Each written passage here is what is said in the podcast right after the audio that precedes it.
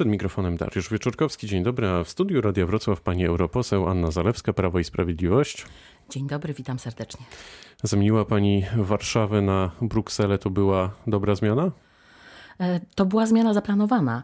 E, zaplanowana wiele lat temu. Tak ustaliłam z prezesem Jarosławem Kaczyńskim, że takie są etapy e, mojej kariery zawodowej, kariery politycznej. Przypomnijmy, że zanim zostałam ministrem edukacji, obejmowałam mandat eurodeputowanej po Dawidzie Jackiewiczu i odmówiłam tego mandatu na prośbę innymi prezesa Jarosława Kaczyńskiego i pani premier Beaty Szydło po to, żeby zostać ministrem edukacji i przeprowadzić bardzo trudne reformy. Udały się te reformy, Pani zdaniem? E, nie tylko moim zdaniem, ale myślę, że już wszystkich, dlatego że emocje, te emocje rozgrzane przez totalną opozycję, e, za co w imieniu totalnej opozycji chcę przeprosić rodziców i e, nauczycieli, a przede wszystkim dzieci, które musiały zdawać egzaminy w atmosferze apogeum emocji.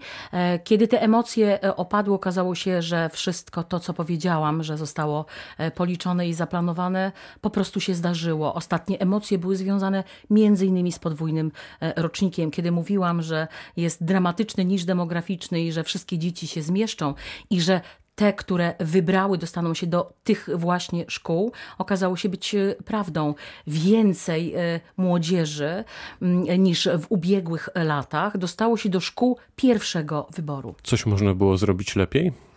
E, zawsze, szczególnie wtedy, kiedy ma się do czynienia z bardzo dużym e, systemem, systemem i bardzo e, wrażliwym, ale kiedy dokonuję takiej analizy, bo sama musiałam jej dokonać nie tylko podczas kampanii wyborczej do Europarlamentu, ale również teraz na koniec roku wszystko zostało zaplanowane.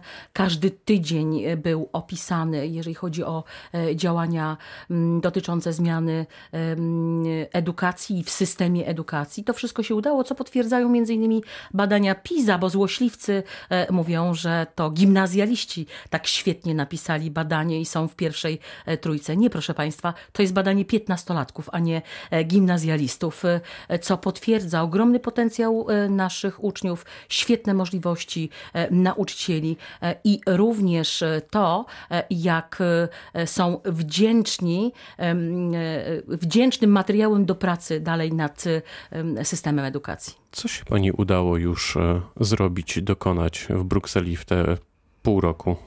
E, pół roku bardzo intensywne, dlatego że jestem w Komisji Środowiska. Komisja Środowiska to również Komisja Zdrowia, Komisja Bezpieczeństwa Żywności i również jestem w Komisji e, Zatrudnienia.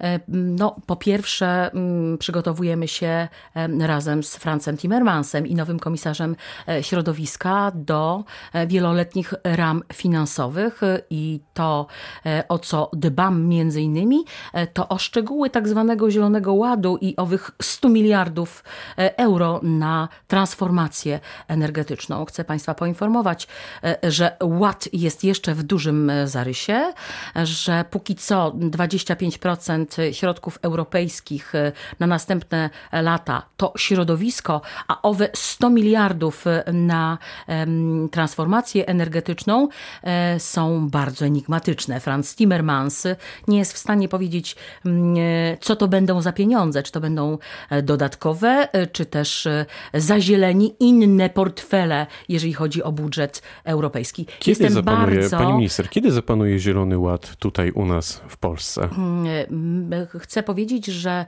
jeżeli chodzi o Zielony Ład i dążenie do dbania o środowisko, jesteśmy rządem, który już w ubiegłej kadencji po wyroku Trybunału, który to wyrok ocenił naszych poprzedników, Ale że tak, nic nie robili. Ponadpolitycznie, gdybyśmy na to spojrzeli. Ale właśnie chcę spojrzeć ponad politycznie, e, dlatego że działania e, rządu Zjednoczonej Prawicy e, mają być działaniami, które powiedzą, że ani lewicowa, ani prawicowa nie jest ochrona środowiska. Po prostu żyjemy w, na tej samej ziemi i musimy o tę ziemię dbać. No właśnie, kiedy na Dolnym Śląsku będziemy dbać o tę ziemię tak, żebyśmy mogli na co dzień oddychać świeżym powietrzem? No to też to jest pytanie również do samorządowców. Dlatego, dlatego że... powiedziałem o tym, że to jest kwestia ponadpolityczna. Tak, oczywiście, że tak. Ja obiecuję, że przez najbliższy rok, kiedy będą toczyły się negocjacje, bo też przecież będzie to robił Sejmik Dolnośląski, dotyczące negocjacji nowej perspektywy finansowej,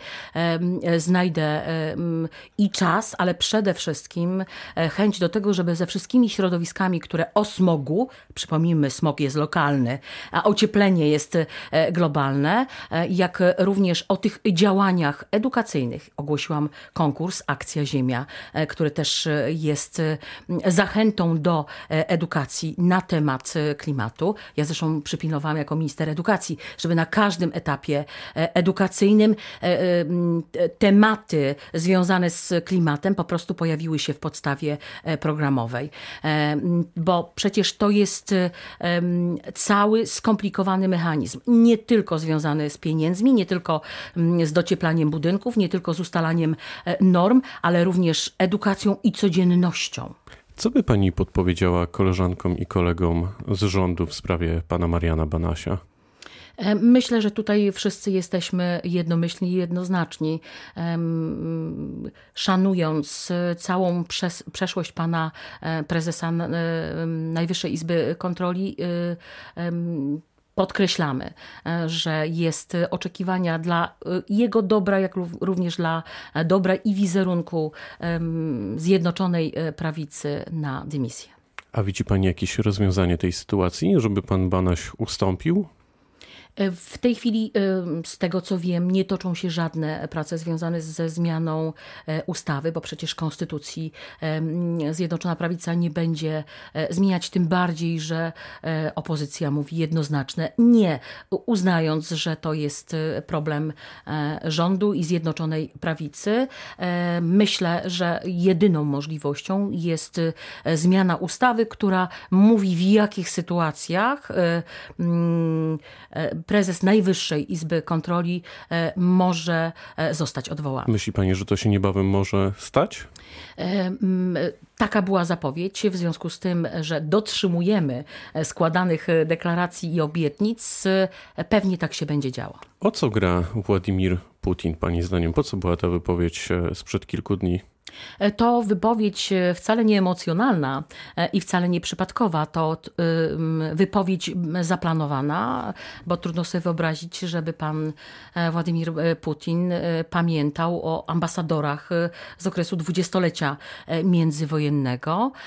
Była to po prostu prowokacja. Ona jest wynikiem nie tylko sytuacji wewnętrznej Rosji, frustracji Władimira Putina, ale tego, co wydarzyło się na arenie międzynarodowej międzynarodowej. Po pierwsze, rezolucja e, w Parlamencie Europejskim mówiąca o tym, że pakt e, Ribbentrop-Mołotow e, to był nie pakt o nie o agresji, ale właśnie o agresji i tak naprawdę ataku na Polskę. Oprócz tego frustracja wynikająca z decyzji prezydenta Stanów Zjednoczonych nakładającą sankcje na firmy budujące Nord Stream. Oprócz Oprócz tego, e, tak e, myślę, e, banalne dla wielu kwestie, jak wykluczenie Rosji z różnego rodzaju wydarzeń sportowych. To nałożyło się na takie właśnie działanie po to, by z wojny ojczyźnianej, która jest mitem w Rosji, no, zrobić, czy jak odwołać się do emocji Rosjan, by uderzyć w międzynarodowe środowisko, przede wszystkim w Polsce. Polskę. Czy my możemy liczyć na jeden głos e, w tej sprawie ze strony Unii Europejskiej, na jej wsparcie? E, widzimy, że tak się dzieje. Kolejni e, urzędnicy, kolejny ambasador wypowiada się na temat to prawda, ale tych nie deklaracji państwa. Władimira Putina. Jesteśmy za moment w Brukseli, od 6 rozpoczynamy pracę. Będziemy przekonywać swoich kolegów, którzy w Polsce są w opozycji, żebyśmy takim właśnie jednym głosem mówili. Pan Witold Waszczykowski uważa, że Putin w ten sposób chce wpłynąć na wyniki wyborów prezydenckich w Polsce. Zgadza się pani z tą opinią? Na pewno nie jest to bez wpływu. Proszę zauważyć, że totalna opozycja, łącznie z kandydatką Platformy Obywatelskiej, e, panią marszałek e, Kidawą Błońską, e, zachęcają do takich bardzo nerwowych i jednoznacznych wypowiedzi prezydenta Andrzeja Dudę na właśnie te prowokacje. A nie brakuje Koncentru... pani tutaj głosu, pana prezydenta Andrzeja Dudy? Proszę zauważyć, że zgodnie z zasadami dyplomacji, w momencie, kiedy są tego rodzaju prowokacje, każdy, kto miał się wypowiedzieć, już się na ten temat e, wypowiedział. Jakie tematy powinny zdominować tegoroczną kampanię prezydencką w Pani ocenie? E, myślę, że to będzie mm, jakby dwutorowo, to znaczy e, po pierwsze sprawozdanie z e, mm, kadencji, łącznie z dotrzymaniem, wydawałoby się, mm, takiej nieoczywistej obietnicy i deklaracji odwiedzę wszystkich, których nie odwiedziłem w czasie kampanii wyborczej. Wypełnione jest co do Joty. Pan prezydent Andrzej Duda był w całej Polsce. Proszę zauważyć, bardzo łatwo wchodzi w takie osobiste te sympatyczne relacje z obywatelami, nie ma e, kłopotów, żeby z nimi e, rozmawiać, e, więc nie tylko taka obietnica, ale wszystkie te, które miał zrealizować. Oprócz tego no, opowieść o przyszłości, o następnych pięciu latach. Podkreślał pan prezydent w swoim orędziu noworocznym, życzył nam zwycięstw różnych i tych osobistych, i tych E, sportowych, ale również e, mówił o tym zwycięstwie i reelekcji. A pani się włączy w kampanię pana prezydenta? Ale oczywiście, e, że tak. Tak jak byłam w kampanii wyborczej kilka lat temu, tak jak byliśmy związani, bo przecież pan prezydent długo ze mną dyskutował na temat zmian w prawie oświatowym. A będzie pani mu szeptać do ucha tematy związane na przykład z Zielonym Ładem, o którym my rozmawialiśmy kilka tak, minut temu? Tak, oczywiście. Uwrażliwie go? Myślę, że pan prezydent Andrzej Duda jest uwrażliwiony. On rozumie. Pochodzi przecież z Krakowa, gdzie e, jest poważny kłopot właśnie ze smogiem. E, zna tamtejsze rozwiązania. Tak, oczywiście, tym bardziej, że z badań wynika, że będą dwa główne e, tematy, to znaczy służba zdrowia i właśnie klimat, choć również sądownictwo. Kto powinien kierować Platformą Obywatelską?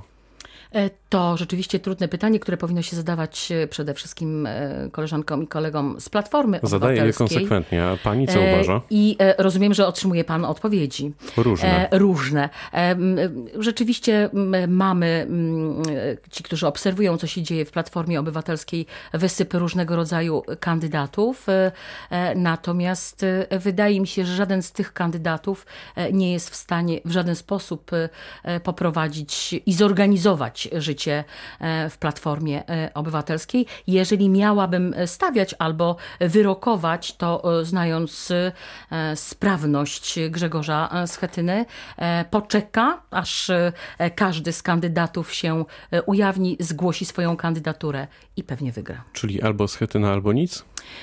Tak jest skonstruowana platforma. Grzegorz Schetyna jest dobry wewnętrznym graczem i zdaje się, że liczy już głosy powiedziała europoseł pani Anna Zalewska, która była gościem rozmowy Dnia Radia Wrocław. Bardzo dziękuję za spotkanie. Dziękuję bardzo. Do Pytał widzenia. Dariusz Wieczorkowski. Dobrego dnia.